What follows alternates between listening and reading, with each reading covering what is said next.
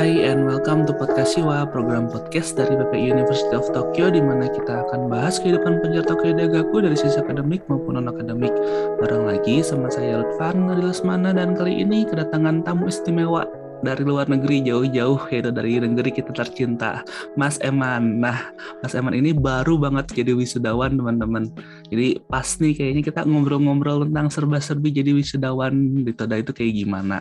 Halo Mas Eman. Halo Mas Lutfan, apa iya, kabar? Sehat-sehat. Gimana Mas di Indonesia ini Mbak masih karantina ya?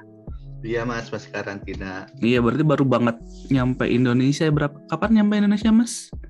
Ya baru dua hari yang lalu ya kayaknya ya. Oh, iya. nah ini Mas boleh boleh dong kenalan dulu Mas Eman tuh siapa dan dulunya tuh kayaknya ada ini spesial di Todai itu Mas di PPI Todai saya bukan siapa-siapa. Sama mahasiswa juga kayak Mas Lutfan. Mm. Cuma bedanya kita beda fakultas. Ya. Yeah. Ya, kita beda tahun masuk. Gak ada spesial-spesial. Sama-sama anggota PPI. Mm. Yeah. Tapi sebelum uh, sebelum Diano tuh siapa ya Mas ininya ya? Uh, ketua PPI itu lainnya tuh. Siapa ya? Kalau nggak salah. Kalau nggak yeah. salah ya itu ya namanya Eman juga mirip. nah ini teman-teman Mas Eman ini ketua PPI Todai sebelum Dieno jadi sebelum kepengurusan kita di tahun ini uh, ada Mas Eman dulu gitu. Jadi Mas Eman tuh dari GRA SPP juga ya? Ya dari GRAPS, ya. Hmm. Graduate School of Public Policy. Hmm. Berarti uh, sekarang udah wisuda master dan sekarang melanjutkan kerja mas di Indonesia. Ya, uh, insya Allah sih kerja ya di sini dulu. Uh. Oke, sebelum ke obrolan utama nih Mas, mumpung tadi kan sempet uh, apa namanya kayak Todai uh, masuknya tuh sebelum saya gitu. Dulu tuh gimana sih Mas masuk Todai itu Mas? Ceritain uh, dong. Awalnya sih waktu itu saya tuh daftar beasiswa LPDP. Mm-hmm. Nah, di mana waktu itu uh, pada tahun itu untuk universitas di Jepang pilihannya hanya ada dua, yaitu mm. Todai dan Kyodai, Kyoto University ya. Yeah, nah, yeah. karena nah ya, karena kemampuan bahasa Jepang saya nol waktu itu dan di website Kyodai, Kyoto University itu admissionnya berbahasa Jepang, akhirnya saya hanya mendaftar Todai jadi di Todai itu jauh website itu jauh lebih uh, English friendly lah gitu ya hmm. waktu itu nah, lebih gampang karena untuk beasiswa LPDP kan kita harus tahu kita ngambil course apa siapa profesornya dan lain-lain untuk apa rencana dua tahun ke depan kita mau ngapain gitu hmm. uh, gitu nah kebetulan informasi itu sulit saya dapatkan uh, dengan versi bahasa Jepang di Kyoto University. Nah, uh, jadi saya hanya mendaftar Todai saja hmm. tidak dengan beasiswa LPDP karena di LPDP kan untuk Univ Jepang hanya Todai dan Kyodai tadi ya. Iya iya. Nah saya tidak lolos di seleksi wawancara LPDP sebenarnya. Oh. Jadi cuman saya udah ter, sudah terlanjur mendaftar di Todai kan. Hmm. Nah um, waktu itu saya belum apa memberitahu Todai terkait hal ini ya gitu. Hmm. Nah cuma tiga hari kemudian setelah uh, pengumuman uh, LPDP tiba-tiba uh, unsurprisingly gitu, eh, bukan unsurprisingly ya, surprisingly gitu ya. uh, Buat Mas Eman sih keterima tanda kayaknya unsurprisingly kayaknya. Enggak. ya salah, salah, salah. Sorry, sorry. Bahasa Inggris saya jelek nih. Jadi tiga hari kemudian surprisingly bener-bener surprise saya itu uh, lagi kerja buka email, terus tiba-tiba saya ditawarin beberapa uh, beasiswa sekaligus sama hmm. fakultas gitu. Hmm. Uh, jadi uh, waktu itu fakultas saya tuh nawarin beasiswa seperti ADB, World Bank, Max, sama ada fellowship sendiri dari Todai itu. Jadi ada beasiswa kayaknya beasiswa dari either itu personal yang udah kayak uh, bekas alumni gitu ya, alumni hmm. atau dari perusahaan gitulah gitu. Jadi saya ditawarin sekaligus uh, dan boleh paralel waktu itu, kecuali ADB sama World Bank suruh milih. Nah, hmm jadi sudah apa masuk masukin formulir formulir aja saya nurut nurut aja lah gitu ya dari Todai gitu masuk masukin dan yang pertama kali di granted itu langsung oleh ADB gitu hmm, jadi karena mantap. ya karena ADB karena ADB yang pertama kali jadi saya ambil itu sebenarnya saya juga uh, ditawari oleh dari Inggris sama dari Amerika waktu ada juga dari Cina waktu itu ya. Cuman karena ADB udah duluan Uh, jadi saya ambil Todai aja lah gitu. Todai juga kan reputasinya baik gitu ya. Uh, yeah, yeah. Dan dan saya bandingkan juga dengan Univ yang waktu itu ketika ngasih saya gitu secara uh, peringkat uh, Todai lebih baik dibandingkan peringkat mereka. Bukan berarti mereka tidak uh, mereka lebih buruk ya, bukan. Tapi maksudnya saya ngelihat hanya dari segi QS ranking gitu-gitu. Mm -hmm. uh, at least uh, Todai pertama sudah duluan nawarin, dan sudah pasti. Yang kedua uh, secara ranking juga lebih baik gitu. Jadi saya akhirnya memutusin uh, ngambil Todai waktu itu. Oh ya berarti dari kegagalan L1 LPDP jadi dapat yang lain ya. Saya gagalnya, saya gagalnya bukan hanya LPDP Mas. Apa?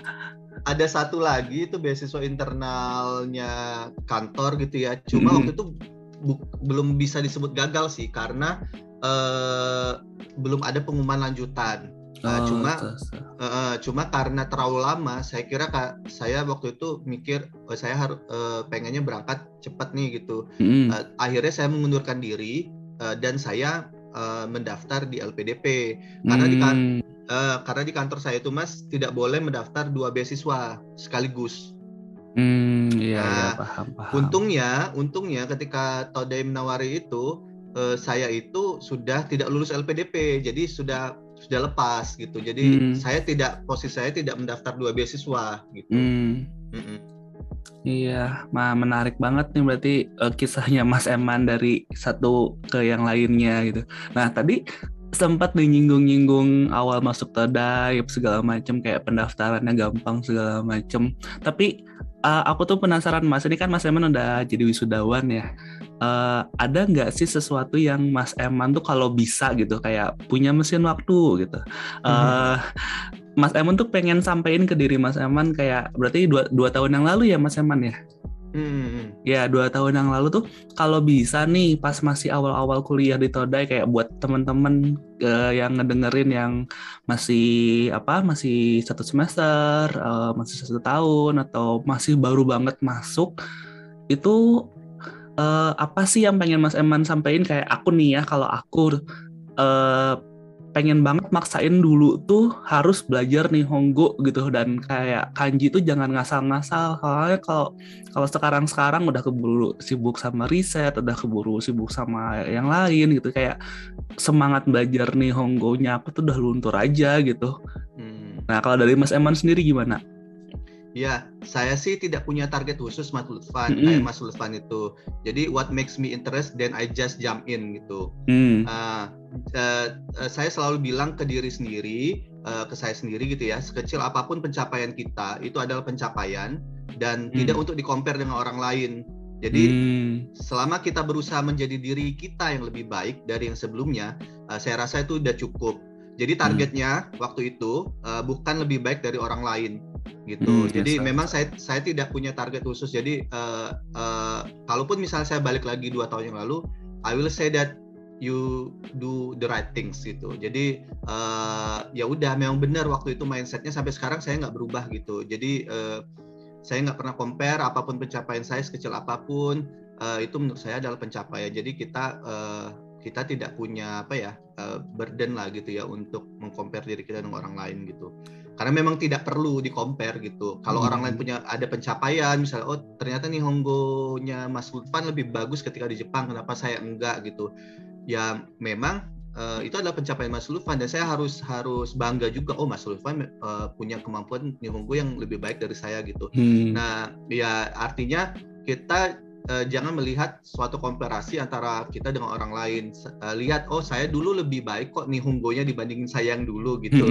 At least begitu gitu. Jadi kita tidak punya apa ya uh, rasa minder ataupun punya rasa kayak uh, rasa kompetitif dengan orang lain gitu. Jadi ngerasa kok dia lebih baik dari saya gitu. Terus kita mungkin merasa kayak saya harus lebih baik dari dia. Dan itu memang dari dari awal ketika saya saya apa uh, masuk Toda itu sudah saya tanamkan gitu. Saya tahu ini universitas bagus gitu, bakal banyak orang-orang yang yang lebih pintar dari saya dan saya harus akui gitu. Jadi hmm. uh, kita juga harus belajar dari mereka gitu. Jadi uh, ya apa pun yang kita capai yaitu pencapaian kita gitu. Tidak perlu oh, kita mantap, orang mantap. lain gitu ya. Berarti Mas Eman ini salah satu wisudawan yang tidak ada apa, tidak ada rasa penyesalan sama sekali ya, tidak punya udah ekspektasinya sudah memenuhi gitu. Ya, ya jadi kalau kalau tadi terkait Nihongo ya, mm-hmm. uh, memang menurut saya uh, akan sangat baik kalau kita bisa belajar dan praktek langsung. Mm. Nah, uh, itu khususnya bagi yang berminat untuk tinggal di sini, maksudnya di sini di Jepang ya, yeah, atau yeah. atau kerja di perusahaan Jepang gitu. Nah, kalau memang punya ekspektasi untuk kerja di perusahaan Jepang, memang harus punya target untuk diri sendiri gitu. Saya harus punya target uh, bisa berbahasa Jepang gitu. Tapi kan balik lagi uh, target itu kan untuk diri sendiri bukan yeah. untuk komparasi dengan orang lain gitu. Oh ternyata Mas Sulfan udah N1 saya cuma N2 itu tidak perlu dilakukan kalau menurut saya. Iya iya ya jadi uh, target sesuai dengan apa yang kita mau aja gitu. Jadi orang lain punya uh, punya preferensi berbeda punya kemampuan berbeda punya pace belajar berbeda. Kita juga punya punya suatu hal yang berbeda juga kan. Jadi mm. never compare gitu. Kalau saya dari awal um, saya pengen lebih ke experience di Jepang jadi bukan hanya belajar di kelas dan untungnya uh, dengan online kelas saya justru malah lebih banyak experience dibandingkan hanya uh, di kelas gitu karena tidak oh. terpa tidak terpaut dengan tempat kan gitu mm -hmm. jadi contoh sederhana aja gini mas um, kalau kita belajar di kelas kita kan belajar teori dan lain-lain gitu ya. Nah waktu itu saya pernah ada conference gitu. Jadi saya belajar itu uh, tentang homelessness waktu itu. Mm-hmm. nah karena tidak ada data dan lain-lain saya langsung survei langsung ke Shinjuku gitu. Mm, oh. Gitu. Ya saya survei ke Shinjuku saya lihat gimana keadaannya. Dan uh, setelah saya survei dan juga saya cross check juga ya dengan beberapa mungkin eh, data-data uh, yang tersedia dan uh, kesimpulan saya misalnya uh, satu misalnya kebanyakan orang-orang homelessness di Jepang itu ternyata banyak kan cowok gitu. Hmm. secara secara kasat mata. Terus yang uh, kenapa? Nah itu kenapanya harus dijawab kan tentu yeah, yeah. ya kenapa? Nah itu kita cari lagi gitu dari itu. Itu tidak bisa jawab dengan observasi gitu. Uh, dan itulah yang membuat kita tuh jadi experience-nya tuh lebih connect dengan uh, apa namanya informasi lainnya gitu. Mengamati plus juga kita bisa connect dengan apa informasi yang sudah ada di literatur di buku dan lain-lain gitu jadi dengan pengamatan experience tadi yang saya dapat uh, itu ternyata uh, feel-nya lebih dapat ilmunya gitu nah ternyata uh, di Jepang itu mereka memprioritaskan wanita dan anak-anak supaya hmm. menghindari menghindari seksual trafficking uh, human trafficking gitu dibandingkan dengan cowok kan cowok kan jarang lah ya traffickingnya hmm. gitu hmm, gitu. Nah itu jadi menjawab menjawab pertanyaan kita gitu. Jadi dari awal saya nggak tahu apa yang harus saya uh, present gitu. Setelah kita observasi, oh ternyata uh, benar begini gitu. Nah itu jadi uh, target awal saya memang kan gini ya. Kita keluar negeri itu apa beda sih dengan belajar di dalam negeri? Uh, bedanya adalah kita bisa experience langsung gitu. Hmm Nah, kalau kita di dalam negeri, kita nggak bisa tuh ngelihat dengan kasat mata gitu, walaupun mungkin ada video atau apa gitu ya. Tapi kan dengan experience langsung kita jadi sadar dan ada suatu hal yang yang tanpa kita apa ya, tanpa kita sadari gitu ya. Oh, ternyata begini ya gitu, gitu. Jadi experience itu memang yang yang tidak bisa di grab di tempat lain gitu. Walaupun kita misalnya ada orang yang juga sekolah di luar negeri di Amerika, dia tuh nggak nggak walaupun dia tahu tentang Jepang tapi dia nggak akan bisa grab pengalaman itu kalau dia tidak berada di Jepang gitu. Nah kalau dari Mas Eman sendiri apa sih yang kayak spesial atau khusus gitu uh, tentang Jepang gitu yang kayak nggak bisa diambil di negara lain yang Mas yes. Eman rasakan? Saya sih belum banyak pengalamannya Mas ya untuk hmm. compare dengan negara atau universitas lain. Hmm. Namun uh, berdasarkan dulu ketika diskusi dengan Pak Dubes, hmm. uh, beliau pernah mengatakan bahwa kuliah di Jepang itu lima kali lebih murah daripada biaya kuliah di US. Oh. Dengan mm, Oh iya dengan, iya sih. Iya. Dengan standar pendidikan yang kurang lebih hampir sama Mas katanya hmm. kata beliau gitu ya. Hmm jadi kalau di Jepang ini kan uh, uh, quality apa pendidikannya kan almost hampir sama lah ya gitu ya. Mm -hmm. Walaupun banyak yang bilang kayak Todai masih nomor satu gitu, tapi uh, saya lebih prefer tuh bilang standar kualitas pendidikannya sama gitu. Mm. Uh, nah, yang ingin saya tambahkan dari pernyataan beliau adalah mengenai kultur sebenarnya. Paling mm. tidak, hmm, paling tidak berdasarkan pengalaman saya ya, walaupun minim gitu, cuma yeah, dua yeah. tahun. Uh, di Jepang itu kita bisa belajar untuk self govern gitu. Atau jadi sangat-sangat mandiri gitu. Nah, uh, misalnya ya contoh ya.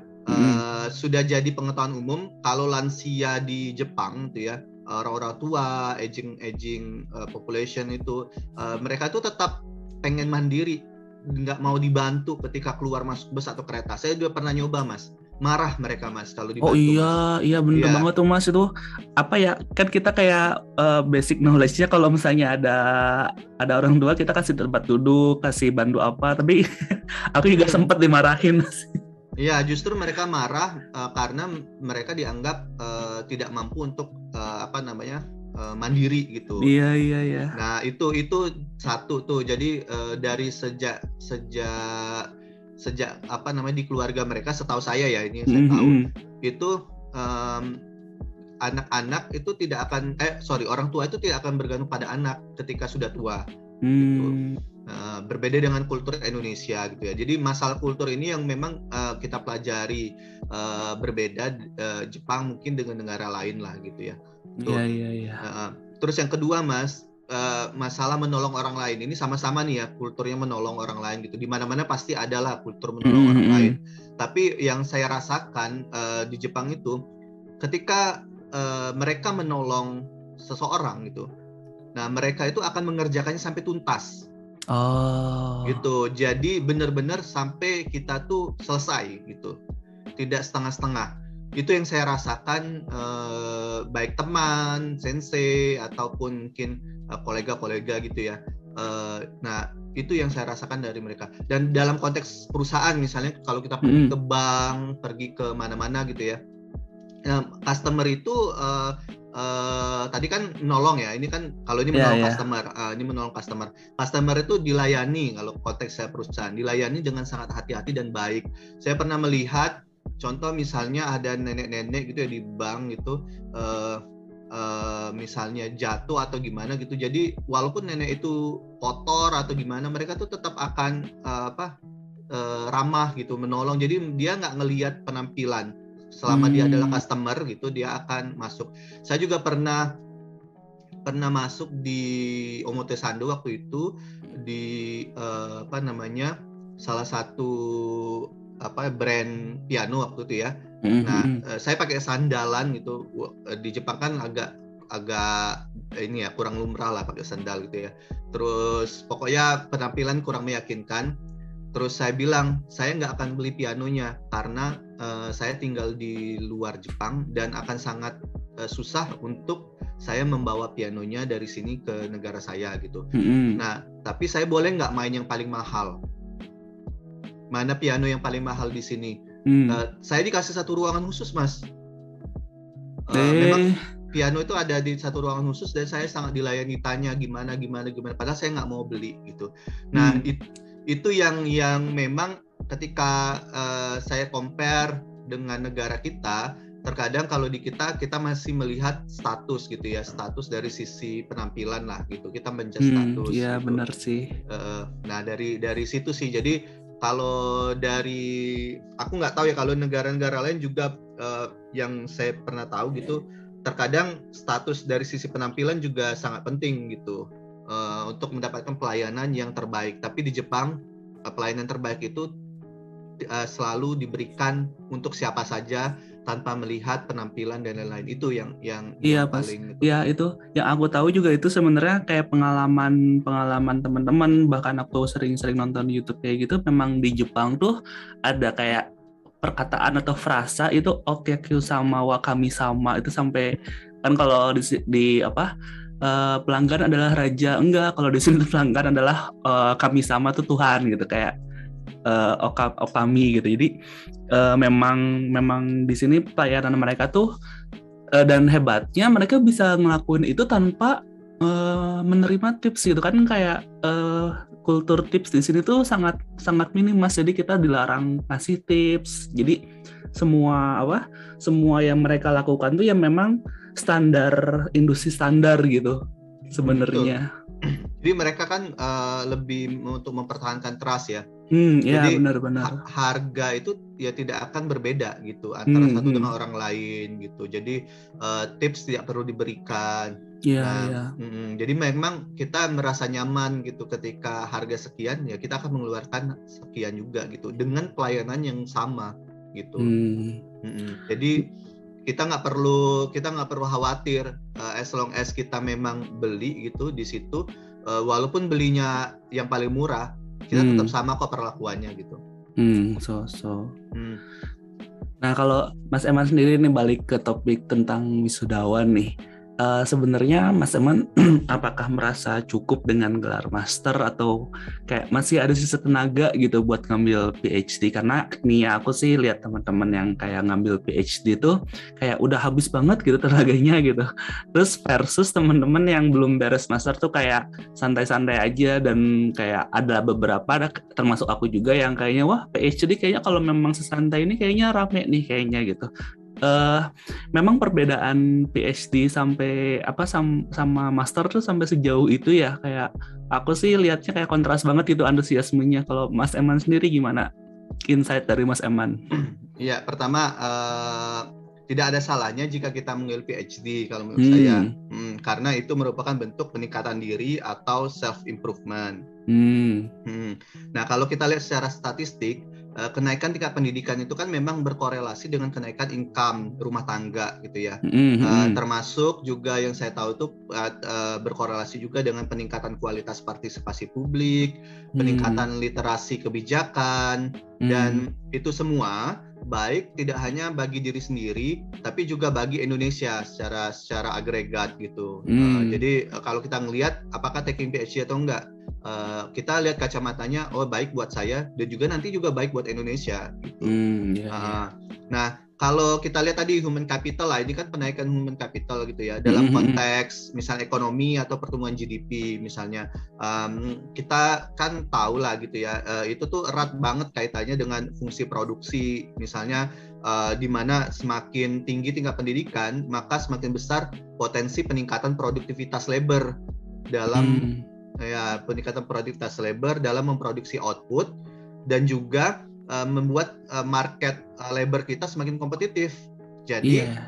uh, orang Indonesia itu nanti uh, wages ya secara global itu akan meningkat dan itu juga meningkatkan taraf hidup masyarakat Indonesia secara Hmm. global gitu. Jadi uh, kalau mau taking PhD otomatis kan nanti kan kalau misalnya uh, rumah tangganya naik taraf hidupnya otomatis anaknya juga bisa bersekolah juga dengan lebih baik terus generasi berikutnya juga bisa bersekolah lagi dengan lebih baik gitu kan itu kan yang kita harapkan ya ada Iya, trickle iya, down benar-benar. Ah, ada trickle down-nya bukan hanya satu generasi gitu.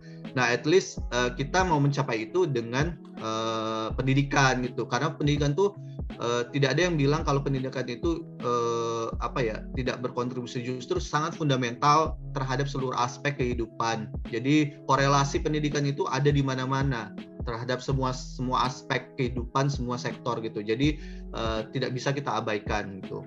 Nah, kalau dibilang perbedaan PhD sama master, tentu kalau aku bilang sih eh, aku belum belum PhD ya, tapi yang Hmm. aku lihat itu agak lumayan jauh perbedaannya gitu. Nah, Hmm. kalau kalau PhD itu kita tuh diharapkan bisa jadi pakar ya di bidang kita khususnya dengan kemampuan untuk menghasilkan riset-riset yang lebih implementatif, Hmm. dalam dan berkualitas.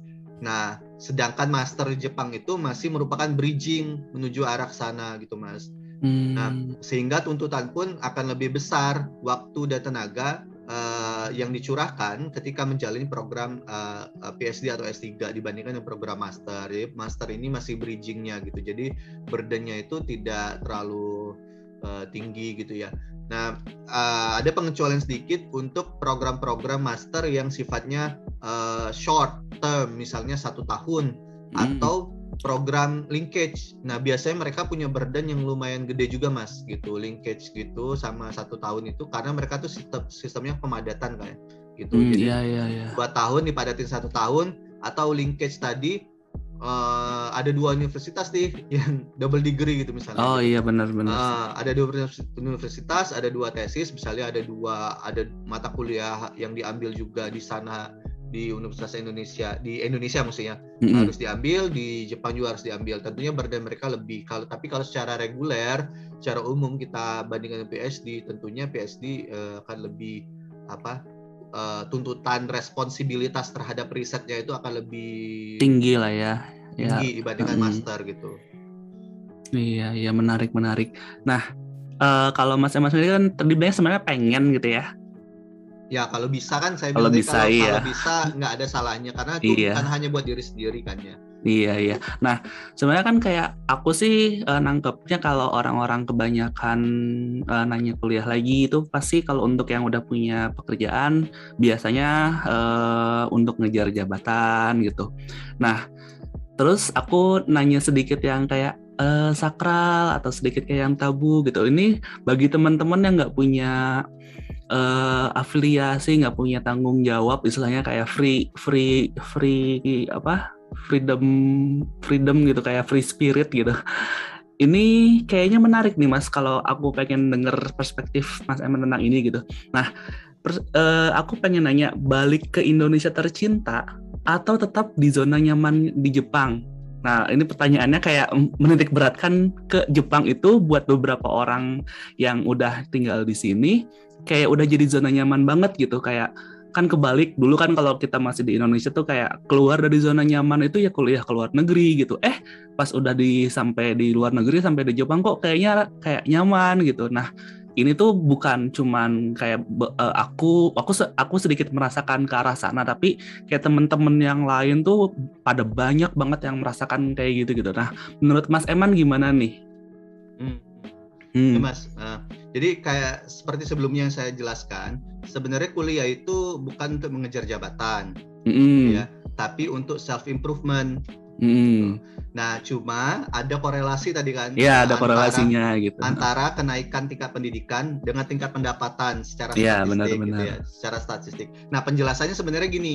eh, kalau misalnya kita naik pendidikannya, tingkat pendidikannya, Mm-mm. pilihan pe- pilihan pekerjaan yang tersedia itu akan lebih variatif Hmm. dan uh, penawaran penghasilan pun juga lebih variatif daripada uh, sebelumnya gitu Ya, kalau benar, kita benar. pendidikannya nggak tinggi nah khususnya pekerjaan-pekerjaan yang sifatnya memerlukan high skill gitu Mm-mm. jadi uh, self improvement itu yang lebih ditekankan nanti korelasi antara self improvement dengan dengan tingkat apa namanya uh, misalnya tadi ngomongin income promosi dan lain-lain Mm-mm. itu harus harus dibuktikan dengan produktivitas gitu Oh Jadi, iya benar benar. Ya, cuma secara statistik itu sudah proven gitu. Jadi Iya. tingkat pendidikan naik skill gitu ya gitu. Iya. Tapi bukan berarti itu generally semua orang akan seperti itu gitu. Ada juga beberapa orang yang sudah sudah S2 ternyata juga tidak produktif juga gitu. Ada juga gitu. Jadi per- apa ya emphasis-nya itu self improvementnya gitu. Kalau tidak Mm-mm. improve ya tidak tidak tidak bisa juga itu eh, yang tadi itu efeknya tadi. Nah kalau masalah comfort zone, eh, menurut Mm-mm. saya se- setiap orang itu punya kriteria masing-masing ya. Iya benar. Eh, ya terkadang berada di Jepang itu juga bukan merupakan comfort zone bagi ya mereka. ada ada beberapa yang. Ya ya bagi mereka yang yang misalnya nggak cocok masalah makanan, nah tidak, co- eh, tidak cocok masalah cuaca atau jauh dari keluarga misalnya Mm. gitu. ya Nah, benar. tapi secara umum eh, yang saya pahami mengapa Jepang itu dipersepsikan comfort zone dikarenakan quality of life yang lebih tinggi dari negara kita Hmm. gitu. Contoh misalnya kebersihannya, Ya.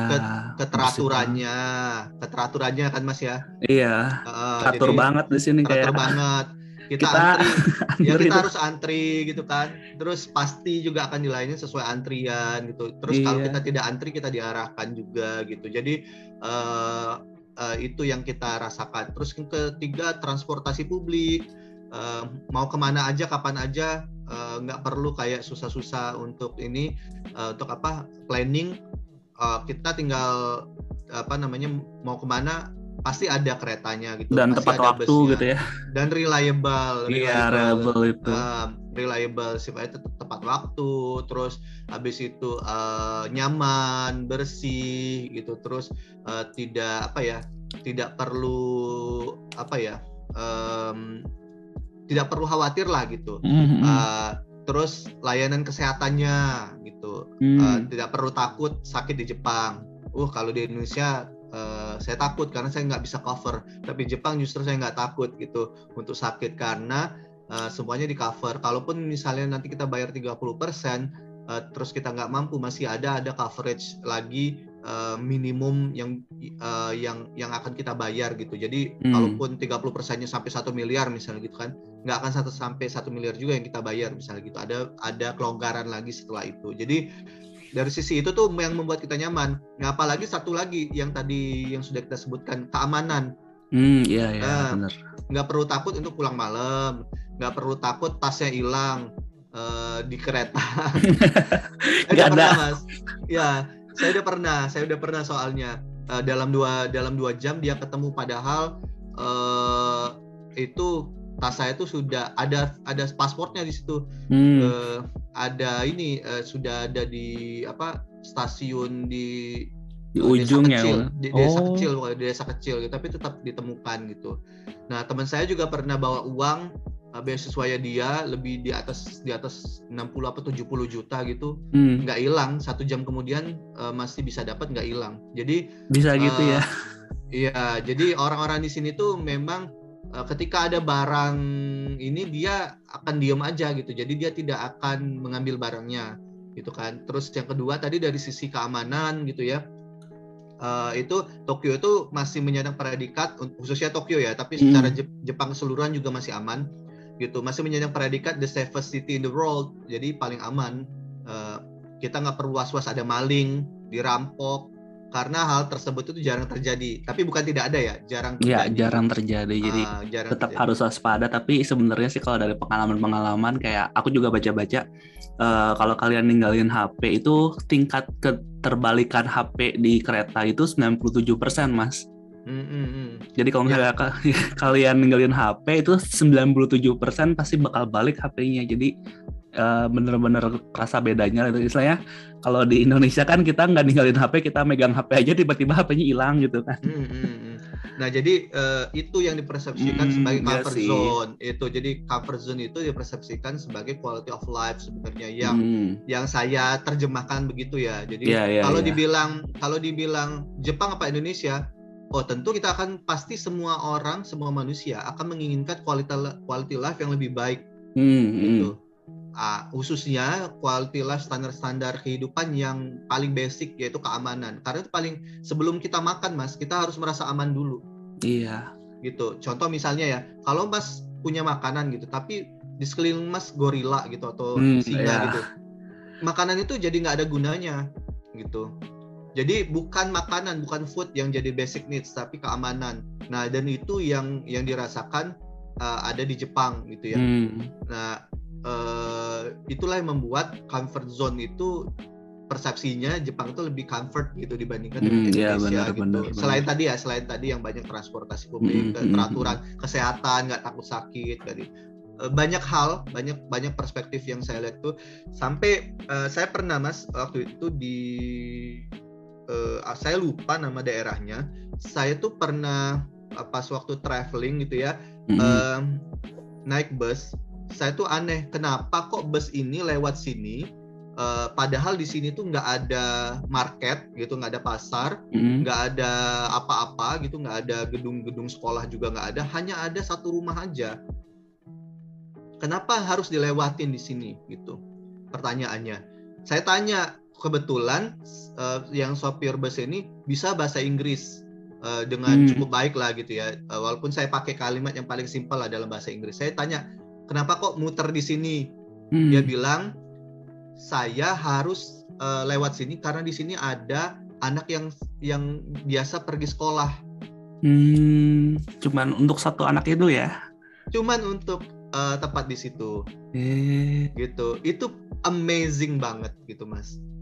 amazing amazing dan itu ada awalnya saya nggak percaya itu itu diomongin dibilang sama teman saya awalnya saya nggak percaya gitu tapi -hmm. uh, waktu saya traveling itu oh ada ya bener nih ada gitu hmm. uh, uh, saya bilang ke sensei saya juga gitu kan sensei saya juga oh ternyata masih ada gitu kan sensei iya sensei masih ada berarti memang pemerintah daerahnya itu sangat care dengan penduduknya tadi makanya saya bilang tadi layanannya tidak diskriminatif gitu iya iya iya dan Mau. pendidikan dan pendidikan sangat penting bagi mereka hmm. gitu. nah jadi kalau mau higher education atau enggak Jepang aja sampai segitunya gitu. Kalau yeah, yeah, yeah. uh, hanya satu orang loh ya. Uh, apa iya, sih iya. apa sih artinya satu orang dibandingkan jumlah penduduk sebanyak itu gitu maksudnya uh, berarti mereka tidak tidak underestimate uh, satu orang itu bisa jadi satu orang ini mungkin akan jadi seorang yang sangat bermanfaat untuk uh, masyarakat Jepang ke depan. Hmm, wah menarik menarik mas. Hmm. Terus ini aku aku uh, rada pengen tanya juga nih karena kan kita sempat singgung tentang tentang comfort zone tentang apa sebenarnya terus kayak uh, ada lagi sih uh, kayak pemikiran-pemikiran yang uh, dari segi ini kan Mas Eman dari segi public policy lah ya uh, itu kalau menurut Mas Eman yang terbentuk sekarang di Indonesia itu sebenarnya cenderung uh, sebagai uh, kita nih sebagai akademisi itu cenderung dipertahankan untuk berkarya di Indonesia? Atau memang ya coba silahkan aja uh, sebarluaskan uh, sayapmu gitu. Kayak kita bikin link di luar negeri. Kayak aku sih uh, ngebandinginnya itu kayak misalnya di beberapa negara maju uh, fintech, uh, tech giant itu kebanyakan CEO sama orang-orang yang kerja di sananya tuh bukan dari let's say misalnya Google kan bukan dari US gitu CEO-nya sekarang. Nah, itu uh, dari dari negara-negara berkembang malah gitu kayak India, Korea dan lain-lain. Nah, Indonesia sendiri kalau misalnya menurut public policy kacamata public policy-nya Mas Eman gitu, uh, sebenarnya condong ke arah mana sih atau gimana gitu? Ya mas, sebenarnya diskusi ini masih alot ya, mm-hmm. menurut aku ya. Jadi uh, karena kita tuh masih belum melakukan komparasi secara serius mm. mengenai kontribusi diaspora di luar negeri. Mm, ya benar-benar. Nah, cuma uh, hipotesa saya gitu ya, mm. uh, dan hipotesa orang-orang yang mendukung untuk berkarya di luar negeri itu antara lain sebenarnya uh, mereka yang di luar uh, akan well facilitated hmm. gitu untuk mengembangkan ilmu dan dirinya hmm. gitu, sehingga bisa mengharumkan nama bangsa nantinya dibandingkan kalau mereka kembali ke tanah air yang sebaliknya uh, bisa jadi akan jadi beban negara bila tidak hmm. tersalurkan dengan baik gitu ya ya ya ya ya jadi kesempatan untuk absorb high skill labor kita anggaplah mereka tuh high skill labor lah ya orang-orang yang punya ya ya benar benar uh, kalau misalnya ada orang nih uh, ditawarin kesempatan di luar oleh beberapa perusahaan atau misalnya uh, organisasi atau apa gitu ya berarti hmm. kan sebenarnya mereka sudah di sudah di acknowledge gitu ya uh, yeah, benar, benar. gitu nah tidak semua orang punya kesempatan yang sama seperti itu artinya mereka itu adalah high skill labor gitu ya nah hmm. sedangkan uh, absorpsi penyerapan high skill labor dalam negeri itu masih minim kalau hmm. menurut saya karena teknologi dan demand-nya sendiri demand-nya itu tidak sebesar di luar hmm. gitu. Jadi kita sebenarnya belum butuh eh, orang-orang yang high skill banget karena toh pas nyampe di sini kemampuan mereka tuh tidak terpakai optimal. Jadi kalau punya HP gitu ya, hmm. Mas Lutfan punya HP canggih sebenarnya udah bisa melakukan misalnya uh, uh, yang canggih banget anggaplah kita range 0 sampai 100 gitu. Tapi yeah. ternyata yang yang Mas Lutfan pakai cuma sampai 10 persennya aja. Jadi fungsi-fungsi lain itu tidak Mas Lutfan pakai, pakai gitu. Nah, itu yang saya bilang tadi, ketika balik ke Indonesia bisa jadi fungsi uh, orang tadi itu hanya dipakai sampai dengan 10% kemampuannya. Kalau di luar hmm. dia bisa terpakai 100% misalnya gitu. Karena ada teknologi yang bisa facilitate mereka, terus networking yang lebih bagus, mm -hmm. terus banyak hal lah ya, yeah, environment-nya yeah. lebih mendukung gitu-gitu. Jadi mereka jauh lebih berkembang, jauh lebih bisa me, me, apa ya, menggunakan daya apa namanya daya skill mereka dibandingkan mm -hmm. kembali ke dalam negeri di mana demand-nya itu memang belum sampai ke level itu. Iya, wah menarik nih terus Uh, jadi kalau kalau sebenarnya sih kalau sekarang tuh kan kondisinya uh, Indonesia sendiri uh, kayaknya masih belum terlalu banyak ya yang uh, misalnya menyelip menyelip ke ke kayak Giant Tech ke lain-lain. Jadi memang uh, si kondisi sekarang tuh kayaknya bagusnya aku nggak tahu sih kalau misalnya uh, dari segi public polisinya di Indonesia seperti apa tapi mungkin kayaknya bagusnya memang uh, memberi kesempatan kali ya bahasanya daripada uh, apa gitu yang lain Hmm, memberi fleksibilitas. Nah, iya benar memberi nah, fleksibilitas. Nah, memberi fleksibilitas. Jadi kesempatan itu kan sudah ada. Oh iya benar iya ya, sebenarnya. Kesempatan sudah ada. Tapi apakah uh, peraturan kita misalnya anggaplah ya ada beberapa beasiswa yang ya Oh iya tuh uh, benar. Yang meminta kita balik gitu. Apa kita fleksibel bisa untuk tetap stay dulu mm, dan mm. akan kembali gitu sampai dengan uh, beberapa itu dengan report lah gitu. Hmm. Nah, uh, dulu kan pernah kalau nggak salah sama Mas Lutfan juga ya pernah ngobrol kita ya.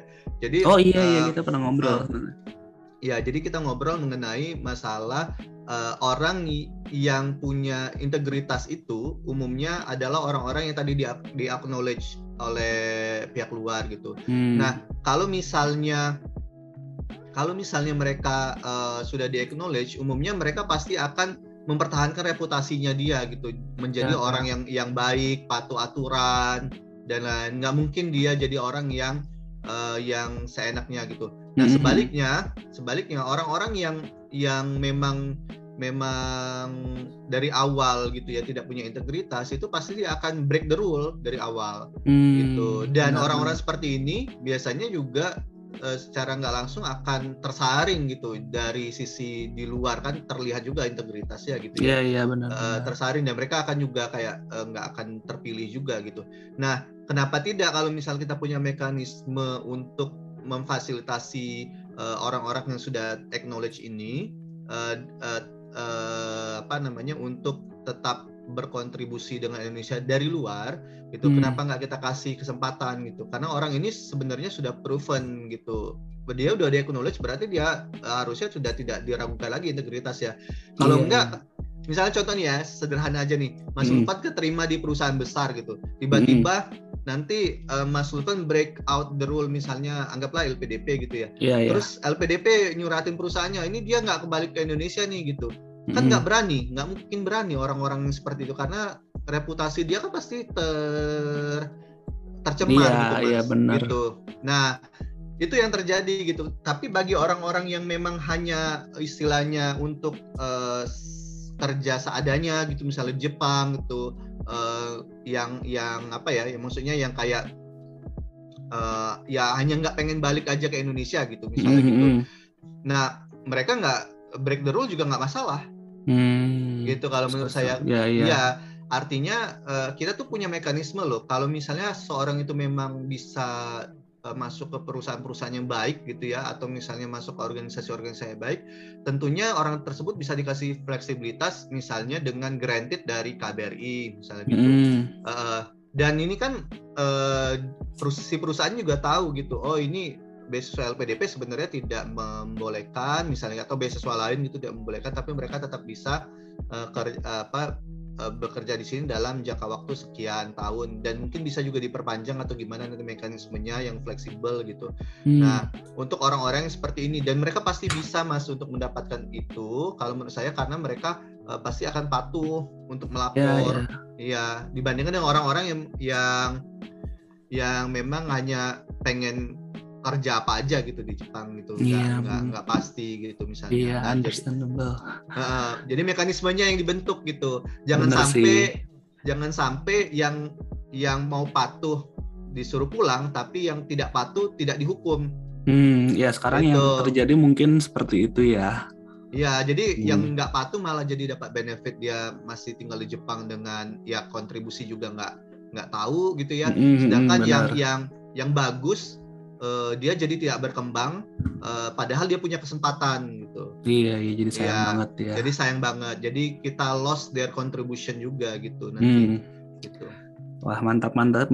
Tip ngobrol sama Mas Eman tuh selalu dapat insight baru dan pandangan baru gitu. Nah ini Mas kita terakhir lagi untuk penutupan. Aku aku punya kayak uh, andaikan saja gitu kayak. Uh, aku kasih kesempatan buat Mas Eman. Kita berandai-andai misalnya uh, lima tahun ke depan tuh Mas Eman punya keleluasaan tak terbatas gitu buat bikin sebuah polisi atau bikin sebuah aturan atau dan segalanya untuk mengenai sesuatu yang memang Mas Eman kayak interest atau uh, tertarik gitu. Apa sih yang Mas Eman pengen rubah, tingkatkan, tambah atau mengadakan gitu? Ada ada ada sesuatu nggak sih yang kayak belum kita tahu atau sedang jadi hot topic uh, tapi belum sampai ke Indonesia dan kayaknya tuh bisa works gitu kayak kalau diimplementasikan di Indonesia. Silahkan Mas. Ya, yang pasti policy itu is not without constraint. Mm, yes, oh yes. Pasti so, so. ya. Mm, yeah, jadi yeah. kalau dibilang kalau tidak ada constraint itu impossible. Mm, So, mm. uh, jadi bahkan kita manage diri kita sendiri juga ada constraint-nya gitu ya. Yeah, yeah. Cons- Constraint diri sendiri, kadang males, kadang misalnya uh, nggak punya waktu, Mm-mm. uh, nggak punya biaya dan lain-lain gitu ya. Apalagi dengan skala policy yang lebih luas, tentunya constraint-nya Hmm. lebih banyak gitu. Nah, namun uh, menurut saya jika Indonesia nantinya akan jadi negara besar dan Mm-mm. negara maju di tahun 2045 nih klaimnya ya, uh, Ya, menurut, ya. menurut pemerintah, tentunya balik lagi tadi uh, layanan publiknya harus sudah berskala internasional Mm. seperti Jepang. Mm, Gitu. mm. Nah, di mana kita lihat nih foreigner sama lokal itu diperlakukan sama dalam hal layanan. Mm, ya Nah, benar. mereka mereka juga bisa berbahasa Inggris, mereka juga bisa berbahasa berbagai bahasa menyediakan petugas-petugas itu ya, Mm-mm. gitu. Nah, ada kepastian lamanya layanan. Kalau ke Kuyakusho misalnya contohnya Ya, kepas- ya.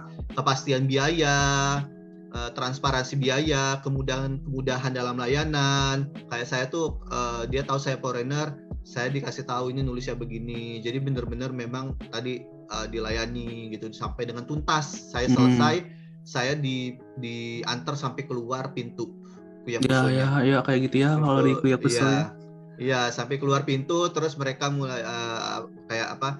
Eh, ya apa namanya kultur Jepang gitu kayak eh, Ya. terima kasih gitu sambil nunduk gitu kan terima kasih Ya, sudah ya. datang gitu gitu sampai begitu begitu juga kalau kita ke restoran juga kan ada beberapa restoran juga eh, Iya. yang Jepang gitu ya Ya, Masih ya. seperti itu. so-. Hmm.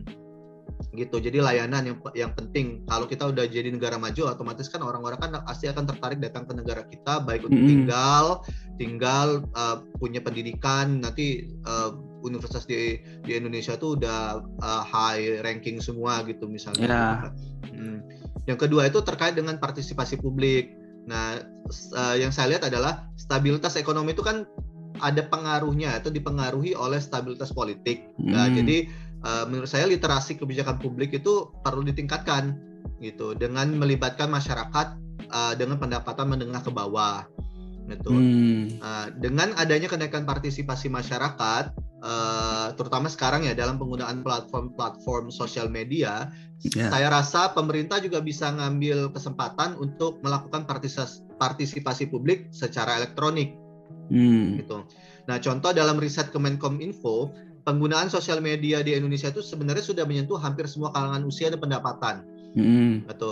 Nah, kalau kita kutip juga dari salah satu profesor Harvard University, eh, menurut beliau saat ini tuh sebenarnya dalam digital era kita tuh sudah memiliki surplus of knowledge. Gitu. Hmm. Nah, jadi jangan sampai kita tuh lost uh, their contribution uh, karena tidak memberikan mereka kesempatan yang sama dengan orang-orang yang high educated. Hmm, Gitu. Ya paham. Uh, nah, kebijakan pemerintah kan sebenarnya kan bukan hanya untuk ekslus eksklusif untuk orang-orang yang berpendidikan dan mampu ya secara finansial gitu ya. Ya, ya. Jadi uh, partisipasi publik itu penting karena banyak solusi-solusi yang bisa kita diskusikan dari perspektif uh, mereka gitu, dari orang-orang yang yang belum tersentuh nih sekarang. Nah, uh, Hmm. uh, itu ya riset-riset yang kemarin tuh yang yang saya lakukan gitu. Tapi dalam masih dalam konteks kantor saya sih sebenarnya Hmm. uh, waktu itu. Ya gitu mas. Wah, menarik berarti intinya partisipasi publik dan eh, layanan publik ya sebenarnya yang jadi concernnya Mas Eman dan memang kerasa banget kalau itu bisa diimplementasikan di Indonesia. Ya sebenarnya tinggal kayak nunggu waktu aja gitu untuk Indonesianya jadi negara eh, bukan berkembang lagi malah jadi negara maju. Mungkin dari Hmm. dua hal itu ya sebenarnya mulainya.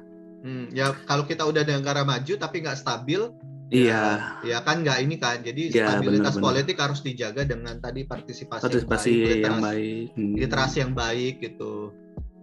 Wah, thank you banget nih Mas Eman. Iya, aku bener banget tiap ngobrol sama Mas Eman selalu mendapatkan insight baru dan pola pikir perspektif yang fresh gitu ya. Hmm, Dan kasih mas. iya, thank you banget. Dan itu tadi teman-teman bahasan kita dari podcast Siwa, program podcast dari PP University of Tokyo di mana kita bahas kehidupan Tokyo Daigaku dari sisi akademik maupun non akademik bareng saya sama Mas Eman. Sekali lagi terima kasih Mas Eman. Makasih Mas Lutfan. Ya, semoga ini berarti berapa hari lagi? Lima hari lagi ya untuk hmm. untuk karantinanya ya. Semangat yeah. untuk karantinanya dan setelah itu uh, semoga lancar ke depannya segala urusan dan lain-lainnya. Ya, terima kasih Mas Lufat. Semoga lancar juga studinya. Oke. Okay. Nah, teman-teman yang kalau misalnya mau ada yang disampaikan, uh, mau menghubungi uh, Mas Eman atau mau uh, request topik yang lain, boleh hubungin kita di sosial media yaitu Instagram PPI.terdai. Sampai jumpa minggu depan. Sekali sama Desta. Jadi, sekali. Mata. Mata.